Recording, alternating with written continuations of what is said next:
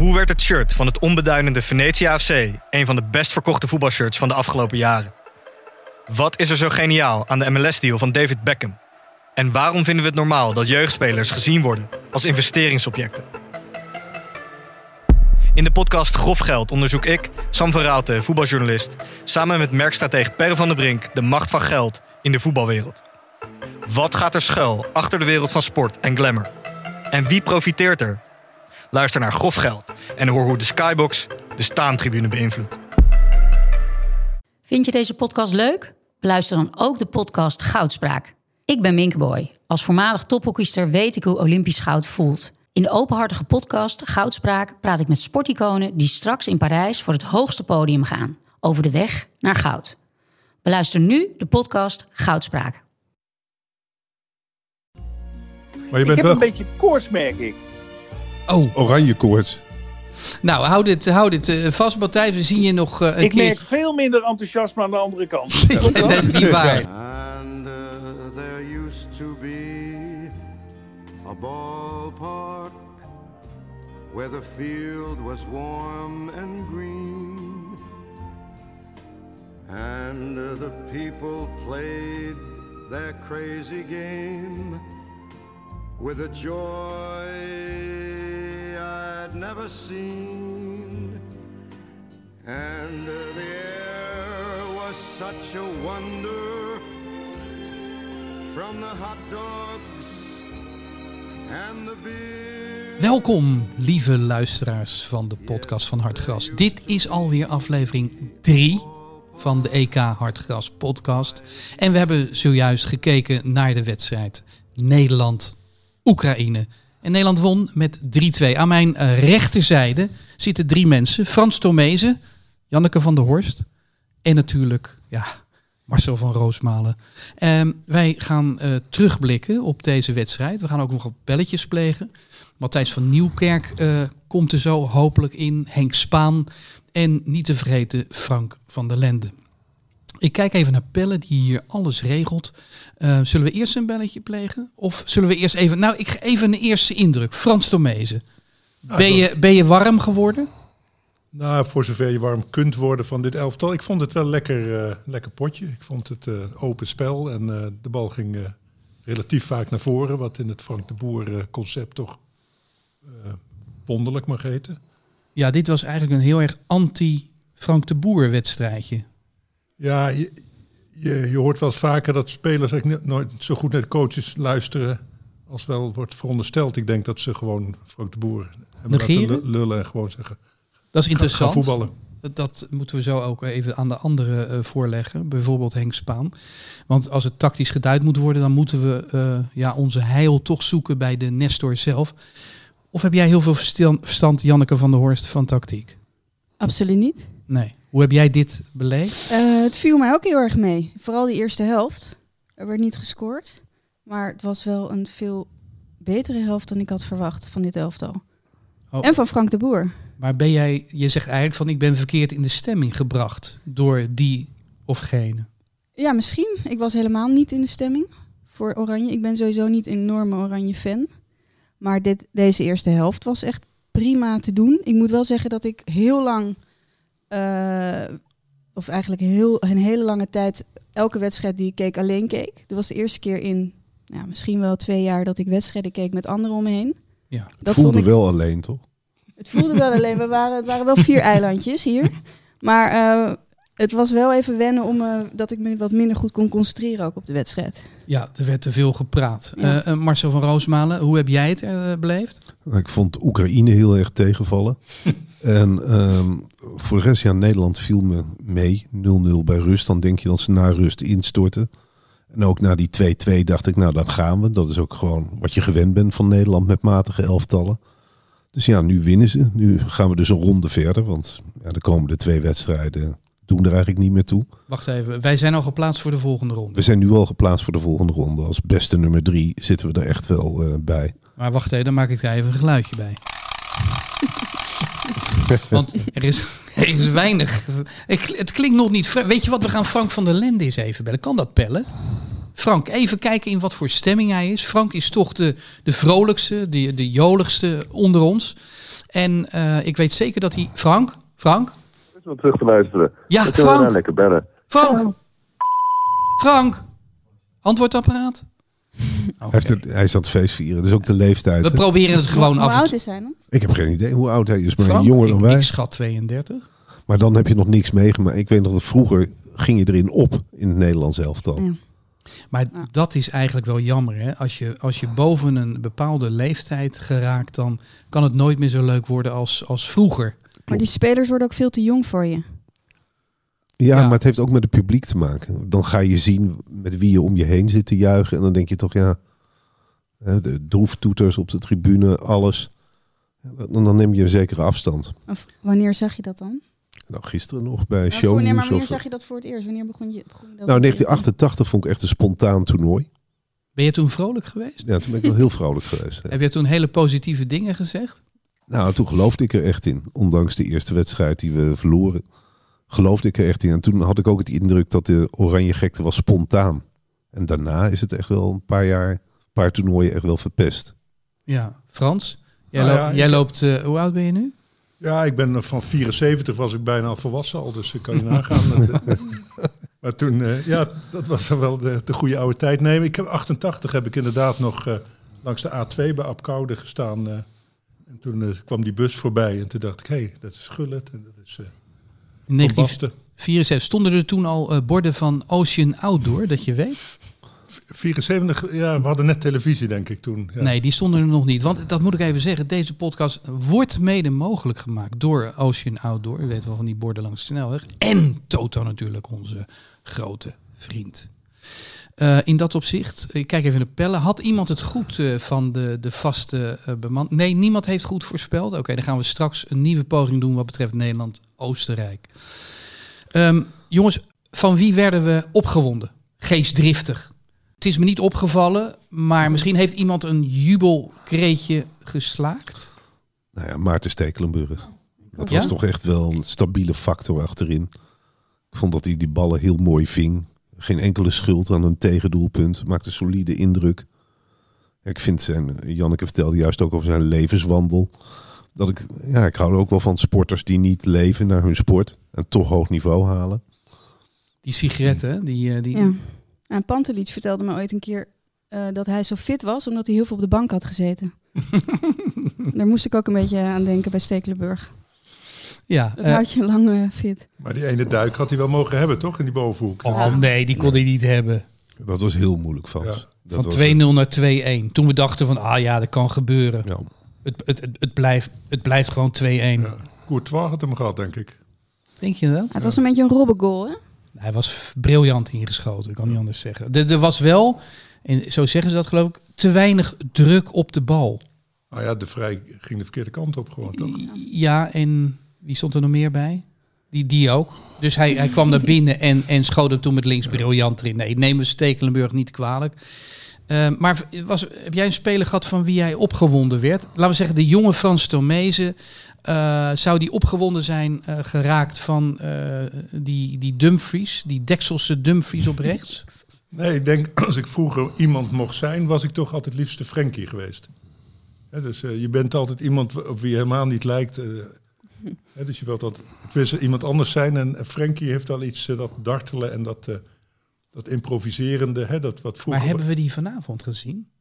Niet zo, toch? Ik vind het al heerlijk als ik hem zo zie Ja. draven en een beetje niet weten welke kant hij op gaat. En, eh, Hij heeft zo Ja. mooi, hij beweegt zo mooi. ik had dat vroeger met Rijkaard ook. Die kon ook zo Ja. opkomen zonder te weten waar hij heen ging. En dat zag hij wel onderweg. En dat heeft eh, Frenkie ook. Dus dat Ja. is wel een voetballer naar mijn hart. En ik mis ook Gravenberg. Die heeft dat ook. Dat, eh, Ja, daar is veel om geroepen, hè? want eh Marten de Roon ja, wordt een beetje in de ban gedaan, althans voor deze wedstrijd. Ik ben benieuwd hoe de mensen erover eh, denken nu, nu deze wedstrijd is gespeeld en met 3-2 is gewonnen. Nou, ik weet wel één iemand, en misschien moeten we hem eens gaan, bellen. Henk Spaan, die heeft altijd een vurig pleidooi gehouden voor Marten de Roon. En als we Henk Spaan aan de telefoon hebben, kunnen we meteen even deze wedstrijd tactisch gaan duiden. Henk Spaan, Ja, Henk, we hebben je brood nodig. ja. Want ehm, Ja, wat is er aan de hand? nou, wij hebben te veel zitten praten met elkaar, waardoor eh, de wedstrijd ons fragmentarisch voorkomt. En een, een goede overal blik van iemand die alleen naar de wedstrijd heeft gekeken, en dat heb jij gedaan natuurlijk in jouw isolement Ja. in Frankrijk. Ehm, Ja. eh, vertel eens, wat is er gebeurd vandaag? ja, kom maar op. Dank, dank je. Eh, nou, kijk, Nederland speelde voor rust heel erg goed. Eh, toevallig zie ik net zelfs van der Vaart en Pierre van Hooijdonk Marten de Roon credits geven. Ja, Zo. voor de, de, ik denk keer of vier, vijf Ja, heeft hij de counter eruit gehaald bij eh, Oekraïne. ja. Hij speelde op Zinchenko, dat deed hij goed. Dus eh, eigenlijk eh, had Nederland de overhand ook door de goede verdedigende ingrepen. Ik vond bijvoorbeeld De Vrij ook heel soeverein spelen, net als tegen Georgië. Ja. Ehm, eh, Dumfries was natuurlijk, hoewel soms enigszins onbeholpen, wel echt heel gevaarlijk aan de rechterkant. Dus daar hadden ze moeite mee, de Oekraïners. Hij miste wel twee ballen die er in principe volgens mij in hadden gemoeten. Namelijk, ehm, Kopbal, hij kwam een keer. helft. Hij kwam een ja, nou die kopbal die had er zeker in gemoeten. Maar daarvoor had hij al een, eh, een, een vrij- redelijk vrije kans aan de rechterkant. Dat was, meen ik, ook een voorzet van de maar dat weet ik niet zeker. Eh, maar eh, Nederland had de zaak aardig onder controle. En dat werd bevestigd door twee goals na rust. Ben je blij? Eh, ik ben wel blij, want het, weet je, ik twitterde al eh, tijdens eh, de eerste helft. Dat het, het viel me echt mee, het Nederlands elftal. Ik had er niets van verwacht, gezien de voorbereiding en de oefenwedstrijden. Maar ze hadden greep op de tegenstander en greep op de wedstrijd. Dus ik was al redelijk tevreden. En dat werd nog eens bevestigd door een 2-0 voorsprong. Ja, en toen eh, maakten ze gewoon twee fouten. Ik zag bij de tweede goal schold de Vrij de Roon helemaal verrot. Omdat de Vrij moest een overtreding op Zinchenko maken. En dat was de man van de Roon. En eh, dat bleek wel terecht te zijn, die scheldpartij. Want, want die bal die werd ingekopt. Die vrije trap van eh Mazinovski. En, En wie stond daarbij, Henk? weet- ja, ik dacht de Vrij ook, maar dat weet ik Nee, niet 100% Weghorst. zeker. Oh, We- oh Weghorst, die liet Ja. hem koppen? Ja. Oh ja, Ja. ja, ja, ja. ja. Maar we gaan niks lelijks Ja, roepen over Weghorst hè, vanavond. Nee, want hij heeft gescoord en hij heeft eh, niet gehuild bij het doelpunt. Dus Precies, dat, we gaan vooruit. eh, eh, dat, dat viel alleen geklauwd. aan mee. Hij heeft geklauwd ook, Ja. Henk. Ja, er werd geklauwd, ja. Vreemd Ik heb nog geklauwd. steeds moeite Ja, mee hoor, dat klauwen. Nou, Frans vermoedt, toch? Ja, Frans, wat was, wat was jouw... Frans heeft een theorie over de klauwbeweging. Ik denk dat dat geheime Ja? tekens zijn van de antifax-beweging om eh, bepaalde signalen door Ja. te geven. Ja, aan Willem Engel. Ja, ja, ja, ja, ja, ja. ja. Ja, over Ja. Willem Engel Nou ja, gesproken, zeg. Henk, heb je die tweet gelezen van Willem Engel? Ja, die heeft hij geloof ik weer weggehaald. Maar die man, die, eh, dat is gewoon een... Hij is evil. Hij is echt evil. Hij eh, deugt niet van geen kant. Hij moet opgesloten worden. Ja, voor de, Achter, achter hele, hele grote stalen hekken. ja, voor de luisteraars, eh, eh, toen eh, Christian Eriksen op de grond lag en werd gereanimeerd, toen gooide Willem Engel er al een tweet uit, waarbij hij een pleidooi hield om maar eens te stoppen met eh, vaccineren. Daar kwam het vrijgezegd. Ja, want daar zou, daar, daar zou het, daar zou het aan, aan hebben gelegen. Ja. Maar goed, we, Maar ja, wat we- dat betreft... Ja, we waren, we waren bij Woutje Weghorst. Ehm hey Frank de Boer, eh, met zijn 5-3-2 of 3-5-2... en met zijn keuze voor De Roon en eh, Weghorst... ja, zijn gelijk gehaald, Henk. Eh, weet je wel, maar de wissels waren natuurlijk. eh, de wissels waren natuurlijk niet overtuigend, want eh, er was nog niet gewisseld of er stond 2-2. Eh, gelukkig heeft AK eh, daarna eh, het eh, veel goed gemaakt door die hele goede voorzet op Dumfries te geven. Ehm, maar eh, ik begreep ook niet helemaal waarom die wissels moesten plaatsgrijpen. Hij wilde misschien blind sparen, of misschien had blind gezegd dat hij eruit wilde. Hij huilde ook toen hij eruit ging. Ja, Ik denk dat, zei eh, Janneke ook al. maken- ja, had waarschijnlijk te maken met Eriksen. Ehm, vermoed ik, vermoeden mensen op eh, Twitter ook. Ehm, wat is er aan te lachen? Nee, niks. We nemen je bloed serieus. Want eh, Janneke zei ook al, joh, kijk nou, hij is emotioneel. En wij vinden eh, Daily Blind nogal een cool doel. Dus Ja, nee, hij haalde echt. En maar misschien ook omdat hij. eh, ja, want hij, hij werd gewisseld bij 2-0 voor. Misschien ook omdat hij bleek mee te kunnen komen. zonder pijn aan zijn enkel te krijgen, et cetera. Kan ook. Maar het zou me niet verbazen als Eriksen echt een rol heeft gespeeld hierbij. Ja. Henk, is het niet zo dat, dat we eigenlijk gewoon misschien wel moeten vergeten systemen en tactieken? Het is mijn persoonlijke ervaring, al hebben wij veel te veel zitten kletsen met elkaar tijdens de wedstrijd, en dat was beren gezellig, dat dit eigenlijk Ja. niets weg had van enige structuur. Er werd ons op de mouw gespeeld dat Oekraïne, dat was een, een, nou, een bolwerk, daar kon je gewoon niet doorheen komen. Henk, Ja, er was zoveel ruimte eh, tussen de spelers. ja. Dat zelfs Ja. eh, een gezelschap van Hard Gras zich nog een behoorlijk eh, vrije baan had weten te creëren richting de doelman. Ehm, dus Ja. dat- viel eigenlijk gewoon vies tegen. Het was een wedstrijd Nou- zonder structuur, zonder tactiek, had ik een beetje de indruk. Nee, maar eh, wat wel veranderd was met de vorige keer, is dat nu, nu was de Roon steeds bezig om Frenkie de Jong in balbezit te laten komen. En Frenkie die begon naarmate de wedstrijd vorderde echt steeds beter te voetballen. Eh, het leek wel alsof hij eh, door al zijn vermoeienis heen begon te spelen met rushes naar voren.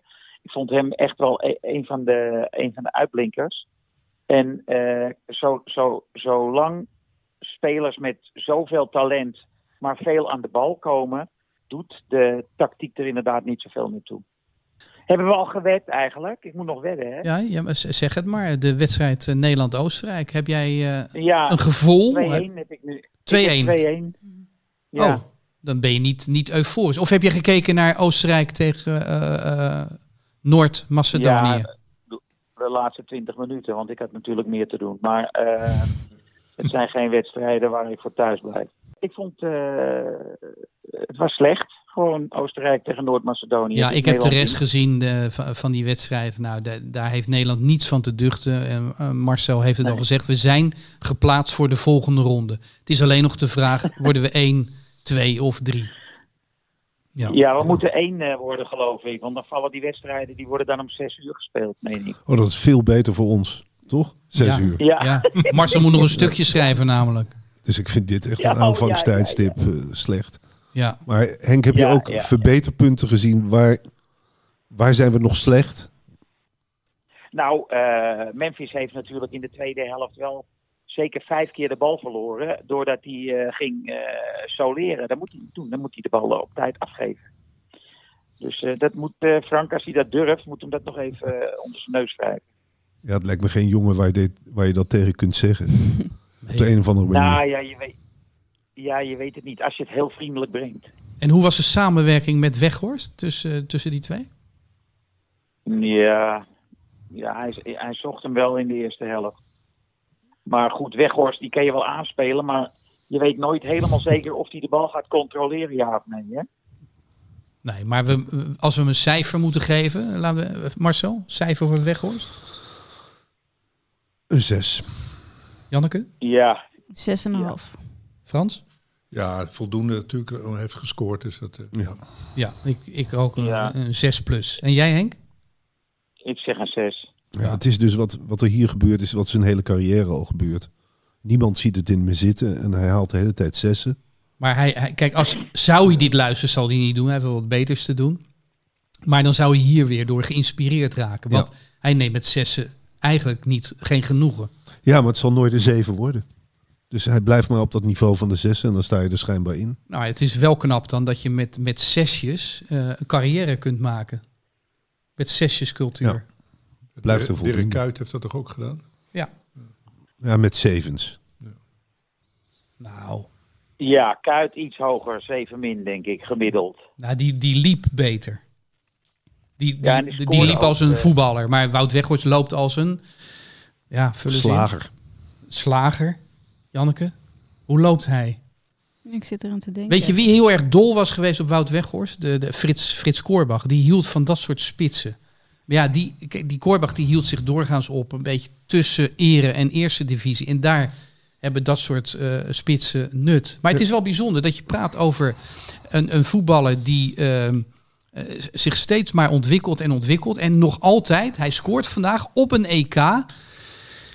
En nog zijn we niet royaal. Want waarom geven we hem geen 7? Laten we eens heel eerlijk in ons diepe binnenste kijken. Marcel, waarom kan jij het niet over je hart verkrijgen om Wout Weghorst een 7 te geven? Kom op, wees eens royaal. Nou, daar vond ik het doelpunt te lelijk voor. Je hebt toch altijd eh, toch de indruk dat het een toevalsdoelpunt is.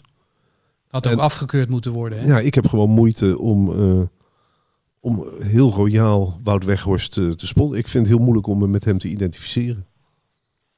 Maar is dat dan de kern van waarom wij voetbal kijken? Dat je je wilt identificeren? Nou, Want een beetje wel. Je wilt toch, eh, zelfs met Igor Klusevic, een spits van Vitesse die ik echt heel slecht vond, kon ik me meer identificeren dan met Wout Weghorst. En het heeft ook met zijn enthousiasme te maken.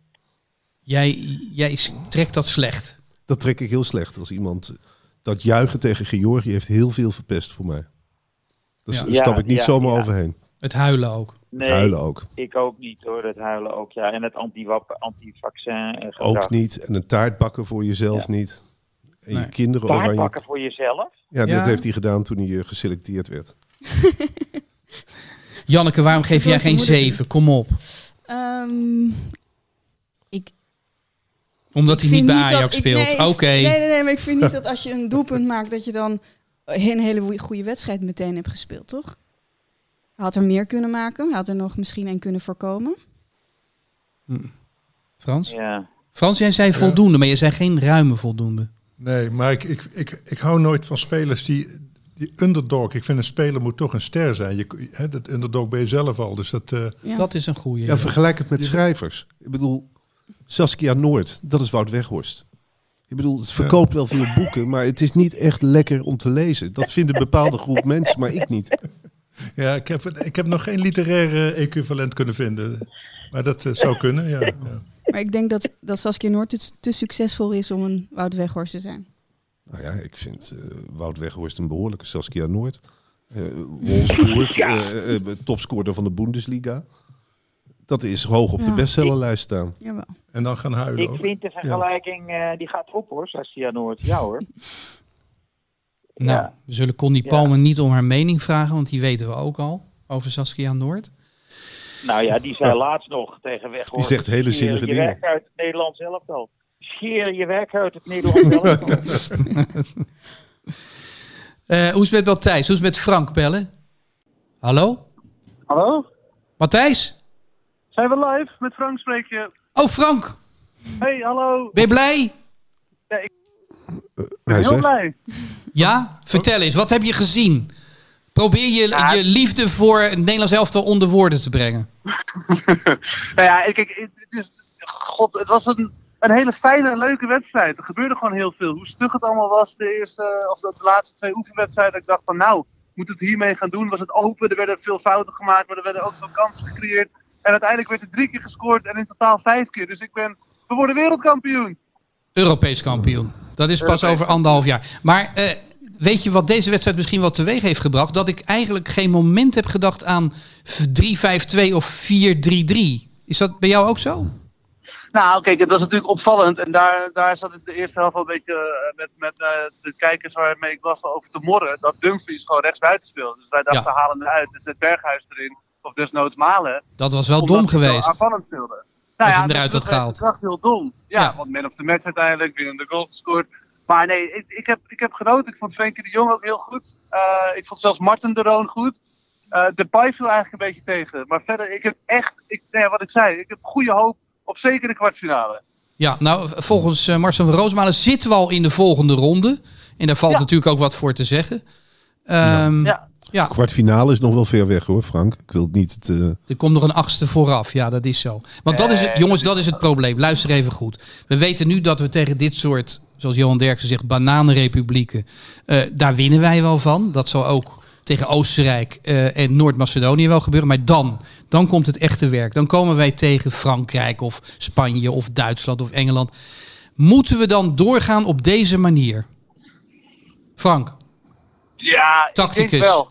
Ja? Nee, ik denk het wel. Gewoon zo blijven voetballen. hè. Heel hoog druk zetten. Je zag blind soms ook gewoon links buiten staan. Daar werd ik heel gelukkig van. Oké. Frank. Wat is, je, wat is je voorspelling voor de wedstrijd tegen Oostenrijk? 4-0. Nou zeg, doe niet zo mal. 4-0? Nou, dat, kan, dat kan wel hoor, Hugo. Dit is, Oostenrijk is echt heel slecht. Ja. Heel, heel slecht. 4 is veel. Zeker als je weet Ja. dat, dat je Ja. begint met Wout Weghorst. Nee, maar ja, als je er vanavond 3 in schiet, dan kan je er echt wel don- donderdag 4 in Ja. schieten hoor. Tegen die Oostenrijkers. Ik heb, ik heb helemaal het virus te pakken, jongens. Ik ga ervoor. Nou, heel goed. Het valt me op dat je helemaal niet dronken bent. Je, je klinkt eh, Het klinkt sober, hè? ja, alsof je, hoe heet dat spul op hebt? 0.0. Maar donderdag gaan we er vol tegenaan met z'n tweeën. Hugo, in de studio. Dan eh, trekken we een glaasje of een, een flesje open. Oké. Henk, wat, eh, wat zou jij nog willen toevoegen eh, aan eh, ehm, nou ja, wat je vanavond hebt gezien? En of, of zullen we het even hebben over eh, Christian Eriksen? Want jij hebt een boek geschreven over eh Abdelhak, No- Abdelhak Nouri. Ehm, en ik moest Ja. gisteren, en ik zal de enige daar niet in zijn, toch eh, onwillekeurig even denken. eh, toen we de, de medische staf, eh, ik denk van de, van de Deense ploeg, bezig zagen om weer het leven in, in de voetballer eh, te krijgen. Ik moest toch even denken aan eh Abdelhak Nouri. Had jij dat ook? Nou ja, je kon zien eh, wat eh, goed ingrijpen eh, bewerkstelligt. Ja. Ik wil er niet echt heel veel over zeggen, maar er werd fantastisch gereageerd. Er is een soort protocol is er, ingesteld na de dood van die jongen van Cameroen tijdens de Confederation Cup in 2003. Eh Foe, die op het veld is overleden, die, daar is niet ingegrepen. Die hebben ze gewoon op zijn rug neergelegd, een brancard naartoe gereden en hem eh, afgevoerd. Eh, zonder ook maar iets te doen. Eh, artsen hoeven nu niet meer op een seintje van de scheidsrechter te wachten om het veld in te komen.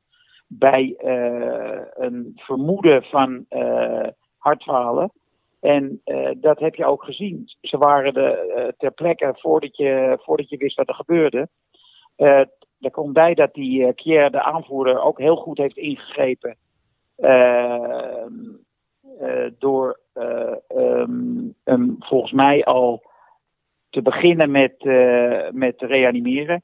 Ehm, nou ja, alles ging gewoon goed. En ik heb, ik heb een tijdspad gezien ergens in een krant. Het was werkelijk een, een minutenkwestie voordat ze weer. En eh, de dokter van het Deense team heeft vandaag nog gezegd dat, of gisteren, of vandaag weet ik niet. eh, één één eh, klap met die defibrillator was genoeg om de hartslag weer op gang te brengen. Nou ja, dus in, geen hersenletsel, gewoon heel kort maar weg geweest. Ja, de- de- perfect ingrijpen van de, Ja. van de medische staf. En dat is natuurlijk bij Nouri eh, volkomen fout gegaan. Ja. En, eh, wat- Daar gaat het proces ook gewoon over. Marcel? Nou ja, goed, ik, eh, ik vroeg me twee dingen af. Ja, ik vond die aanvoerder dus echt wel een held. Dat je, dat, dat je alles Ja. goed doet, dat is best uniek, vind ik, in zo'n situatie. Nou, je mag toch Ja. hopen dat als je zelf wat krijgt en zo iemand zit in de bus, dan ben je, is gewoon je leven gered. Maar, en ik vroeg me Ja. ook af, de Telegraaf, die, die komen dan op het idee om, als dat gebeurt, de vader van Abdelhak Nouri te gaan bellen. Ja, Dan vraag je je toch af hoe die, hoe die mensen in elkaar zitten, hoe ze denken. ja. En dat, Ja. dat heeft een stukje opgeleverd ook. Ja, dat heeft ook een stukje opgeleverd. Ja. Maar dan, dan denk ik echt van ja, wat bezielt je dat je zo denkt? En als we het even verleggen naar de UEFA. eh, Nee, die wedstrijd die had natuurlijk. De UEFA heeft ook een vies spelletje gespeeld. Die hebben eh, afgewacht totdat eh, de spelers tenslotte met een eh, statement kwamen nadat E- Eriksen met hen had gebeld om de wedstrijd te willen voortzetten. Maar dat had natuurlijk niet gemogen. De UEFA had meteen, toen Eriksen werd weggebracht eh, in die ziek, naar de ziekenwagen toe, had de UEFA meteen die wedstrijd moeten schrappen. En een dag wachten om dan vervolgens ehm, eh, een, nadere, een nadere beslissing en een oplossing te verzinnen. Maar dit was gewoon, ze hebben het heel sluw en doortrapt in handen van de spelers gelegd, de verantwoording. Terwijl zij zelf alleen maar aan sponsorbelangen en televisierechten hebben zitten denken. Deugt van geen kanten. Nou ja, je zag dat ze gewoon in shock waren allemaal. Dus ze, ze hebben een beetje als zombies eh, zijn ze doorgegaan. Ook dat doelpunt Ja, normaal die Schmeichel, die, eh, die, die raapt die bal fluitend op natuurlijk. Ja. Dus die was gewoon helemaal ver- verdoofd. Maar raar eigenlijk, hè, dat eh, ja, in, in 72 was er natuurlijk eh, de Olympische Spelen en ja, de Games must go on. Ik, ik, ik hoor het nog, er zijn vaak documentaires over geweest. Aanslag op eh, Israëlische atleten, waarbij een aantal de dood vonden en die Spelen die moesten doorgaan. Waarom komt het toch dat ehm, dat, dat soort zaken van bovenaf zo worden doorgedrukt? En ik voeg daar dan ook aan toe, waarom is het zo dat eh, sporters, eh, trainers zich laten ringeloren, Marcel? Hoe komt dat? Wa- waarom laten ze zich piepelen? Ehm, dat weet ik niet. Ik moest ook denken aan het eh, geval Michael Jansen in de wedstrijd Vitesse-Ajax. Die, die had ongeveer hetzelfde. En er werd ook gewoon doorgespeeld na een kwartier. Die had een hartstil, Ja, hartstilstand. die had ook een hartstilstand op het veld. En die is op het veld gereanimeerd? Ja. En, die daarna- heeft daarna eigenlijk nooit meer zijn eh, oude niveau gehaald. Ik, ik, ik heb eigenlijk geen idee waarom spelers zich laten ringeloren. En bij wielrennen doen ze het ook altijd. Als er een het ravijn in eh kukelt, rijdt de rest ook gewoon door. Eh, misschien, misschien hoort een, eh, af en toe een slachtoffer erbij. Maar het houdt het. Vroeger de, de Formule 1 in Zandvoort. Het, eh, zonder de wrakken te branden langs de kanten. Die, eh, Ja, op kantoren werken ze ook gewoon door. Dus het is misschien ook wel. eh, ja. Wacht even, Marcel. op kantoor werken ze door wanneer? Nee, als er een collega wegvalt, dan wordt er op een zeker moment ook weer gewerkt. Alleen is het dan geen organisatie die zegt jullie moeten werken. Nee, maar dan zou, kan ik me voorstellen dat je de, de, de mensen naar huis stuurt en dat je de volgende dag weer gaat werken. Nu was het zo dat de wedstrijd eigenlijk eh, ja, binnen anderhalf uur werd hervat. Ehm, en, en dat achteraf dat er ook eh, spijt wordt betuigd door die, die, die coach van Denemarken. En, en die aanvoerder die kon eigenlijk niet verder emotioneel. Dan is het toch eigenlijk raar dat je niet met elkaar zegt. En ik denk dat ze die Finnen er ook eh, voor hadden kunnen poren. Jongens, eh, we laten het hierbij. En dan maar een reglementaire nederlaag. Maar dat gebeurt nooit. Misschien toch ook een beetje zo'n Nee, de macho, coach- macho cultuur, toch? Wat zei je, Een Janneke? beetje macho cultuur. Van we gaan gewoon door en dat doe je als sporter. Je vader gaat dood, een week later speel je weer. Je vrouw ligt te bevallen, je speelt gewoon door. Ja, Het ik- wordt een beetje verwacht dat, dat, dat je dat doet, volgens mij, van spelers. En op dat moment durft misschien niemand te zet, degene te zijn die zegt, ja, ik kan dat niet. nou ja, ik, ik zag die aanvoerder wel in staat om zijn team binnen Ja. te houden als Nee, ze echt niet wel wilden. verwacht, ja. Ja, ze hebben vandaag overigens, eh, de coach heeft gezegd, we hadden nooit moeten voetballen vandaag. Precies. Eh, Michael Laudrup heeft gezegd, het is een schande om de spelers deze beslissing te hebben laten nemen. Hetzelfde heeft Peter Schmeichel gezegd, de vader van de keeper. Eh, dus je hebt wel misschien even tijd nodig om eh, tot bezinning te komen. Je kan niet net na dat je je vriend eh, een hartinfarct hebt zien krijgen, kan je niet, denk ik, meteen rationeel beslissen, een, rationeel besluit om de juiste beslissing te nemen. Het is allemaal emotie en dan heeft Erik zichzelf ook nog gebeld en gezegd, eh, we moeten doorgaan. Ja, Ja, maar die zijn, is, die zijn eh, allemaal in shock. Die, die, Ja, daarom. Ja. Ze, ze hadden nooit in die positie moeten komen. En dat heeft de coach volgens mij vandaag ook gezegd hoor. Ja. We gaan eventjes ruw over eh, en naar Matthijs van Nieuwkerk. Hallo Matthijs? Ja, Ah, gelukkig. Je bent er. Man, we hebben 35 minuten geprobeerd je te bellen. Maar het is gelukt. Ja, het is gelukt. Het is gelukt. Ben, ben jij het, Hugo? Ja, ik ben het, ja. Ja, Matthijs, Gefeliciteerd, hè? ja, wat vond je van de wedstrijd? Nou ja, goed, jongen. Ik woon, ik woon natuurlijk in Achterhoek Twenteland. Dus Wout Weghorst heeft gescoord, jongen. De, de cafés gaan hier niet meer dicht. Nee, nee, nee. En, eh, wa- waar heb je precies gekeken? In, in, een, in een kroeg? Gewoon, gewoon in de boerderij. Oh, oké. Ja.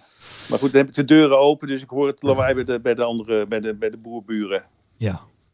Ja. 1-1. Hey, wil jij een voorspelling doen voor Nederland-Oostenrijk?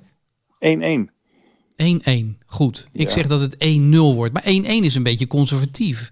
Ik neem aan dat jij ook euforisch eh, bent geraakt. Onder meer. Ik vond het een superleuke avond. Had jij dat ook, Hugo, of niet? Ja, wij hebben, nou, we hebben te veel zitten kletsen met elkaar. Jij, jij hebt misschien in een kleiner gezelschap gezeten. Henk Spaan zeker in zijn eentje. Dus die heeft er het meest verstandig over gekletst. Ja, ja, ja, ja. Eh, maar wij vonden het eigenlijk eh, niets meer met eh, tactiek. Nou, nu praat ik even voor mezelf. Ik vond, ik vond er weinig tactiek aan. En daardoor was het zo onderhoudend, zo leuk. Ehm, Ja, het leek echt wel. een leuke wedstrijd.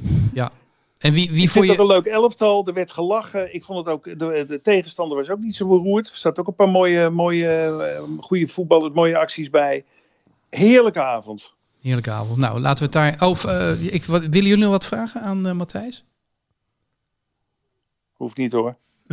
Nou, ik zit even na te denken. Ja, Nee, echt, dat- neem je tijd. Dat, is, dat kan met een podcast. Ja. je kunt de stiltes toch gewoon uitknippen Nou, inderdaad. ook dat, maar dat gaan we zeker niet doen. En Matthijs, Matthijs, juich je dan heel hard in je eentje? Ja, Ja? dat klopt inderdaad, Frans. Ja, met, eh, met, Eh, eh, zo is het precies. Eh, dus je, je, je springt op en je denkt eh, na een minuut ongeveer, ja, wie, wat ben ik eigenlijk aan het doen? Maar ja, Ja. Er, er, is, er is toch iets sterker dan jezelf, Ja. hè? dat is echt weer het geval. Maar je ik heb wel- een beetje koorts, merk ik. Oh, Oranje koorts. Ja, het Oh, dat. te komen. ja.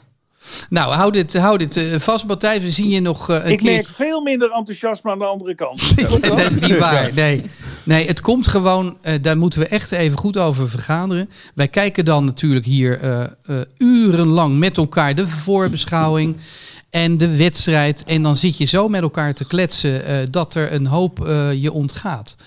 En, Oké. eh, dus, dus eigenlijk komen de zinvolle eh, opmerkingen toch over de telefoon eh, tot ons. Ehm, wie was verder nog goed? Ik bedoel, bu- buiten Woutje Weghorst? Nou, ik vond Frenkie de Jong fantastisch.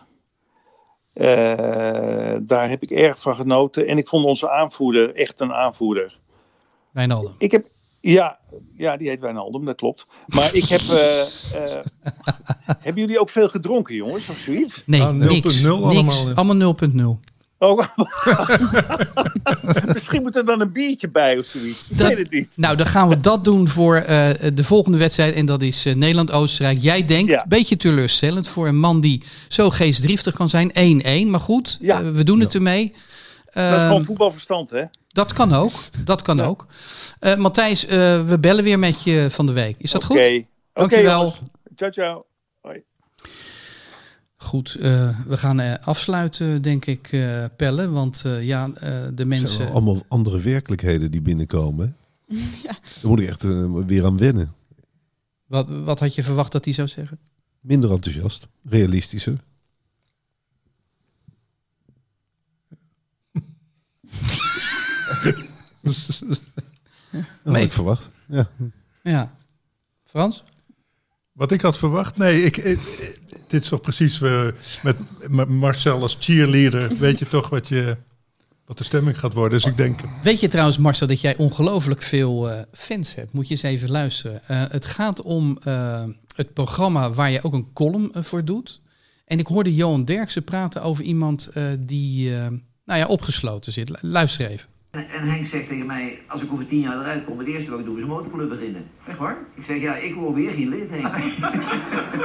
en hij kijkt alles, toch of niet? Nee, hij is echt een fan, maar hij is vooral een fan van Marcel van Roosmalen. Hij zegt, de hele gevangenis die heeft over de grond gekropen gisteravond om Marcel van Roosmalen.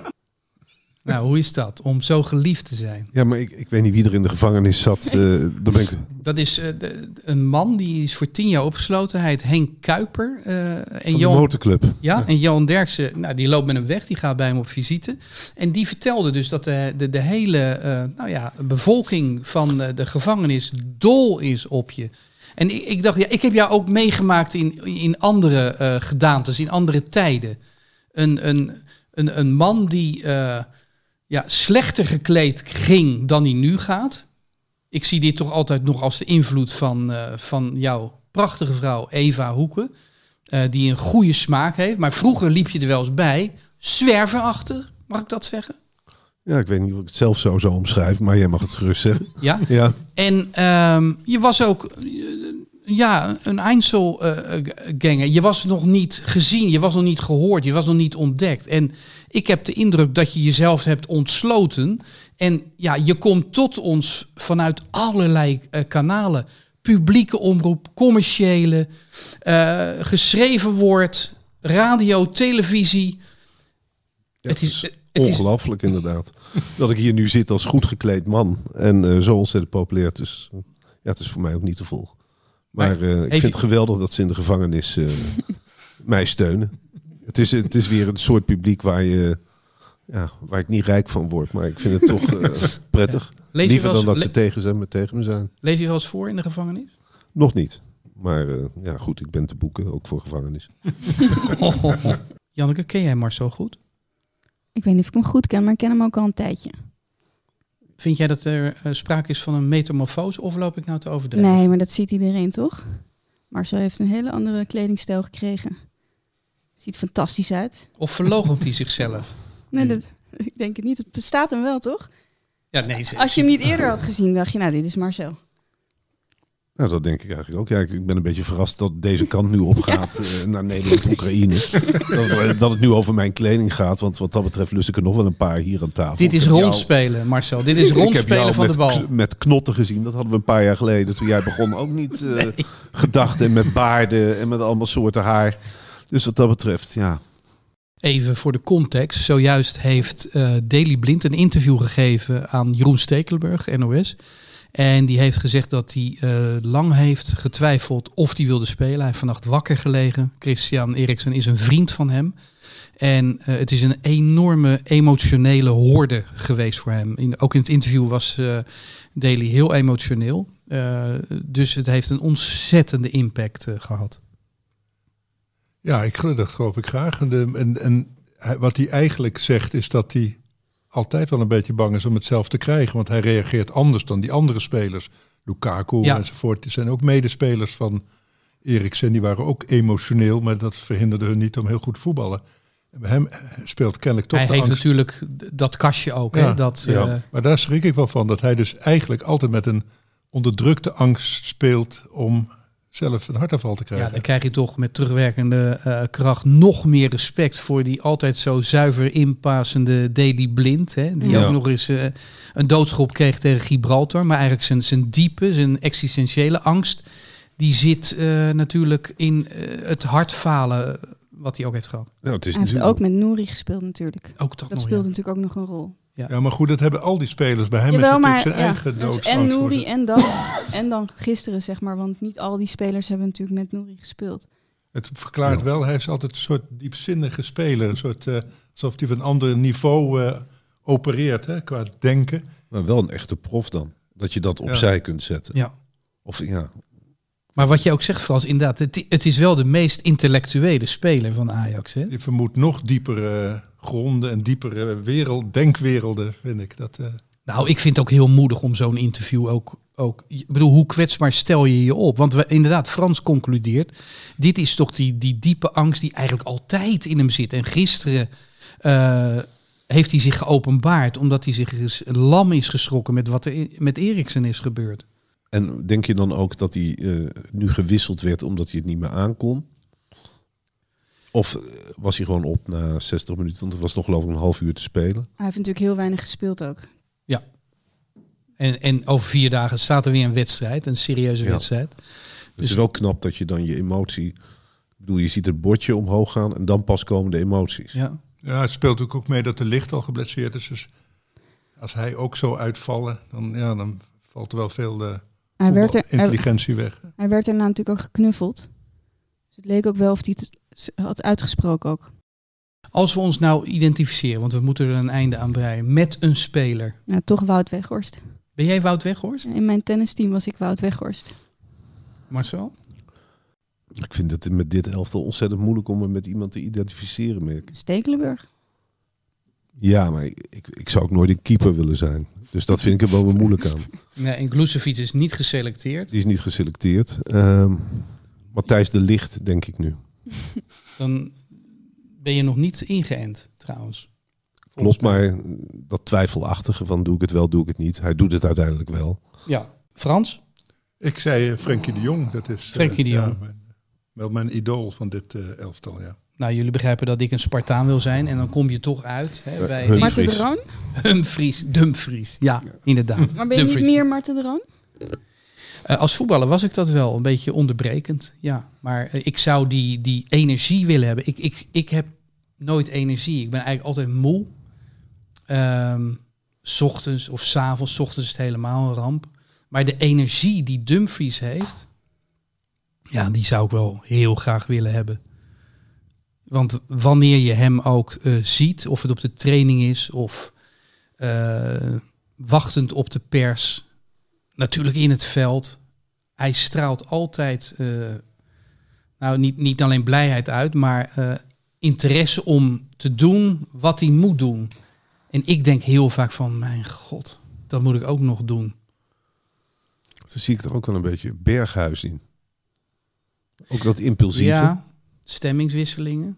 Nou, dat, laat me, dat, dat, dat, is hij nou ingevallen, Berghuis? Nee, hè? Nee, nee, nog Nee. steeds niet. nee. Was zielig. Die is in een bloedvorm op de training. Ehm, we breien er een einde aan. Als u dacht van, eh, god, ontzettend leuk, Hartgras. Er is ook een eh, abonnement te nemen op de papieren Hartgras. U kunt ook een abonnement nemen op de podcast. Hè, dat is goedkoper.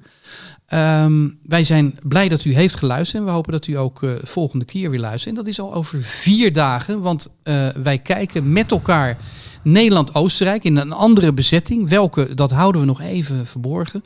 En dan beloof ik u, dan zullen wij wat beter opletten. Zodat wij wat scherper tactisch kunnen analyseren. Nou, ik dank u eh, voor het luisteren. En namens dit panel slaap zacht of fijne dag. En het laatste wat ik wil zeggen is dat deze podcast, ik had het al gezegd, maar ik wil er toch nog even de nadruk op leggen. Die is mede mogelijk gemaakt door Toto en Ocean Outdoor. Luister ons op Spotify. Yes, there used to be a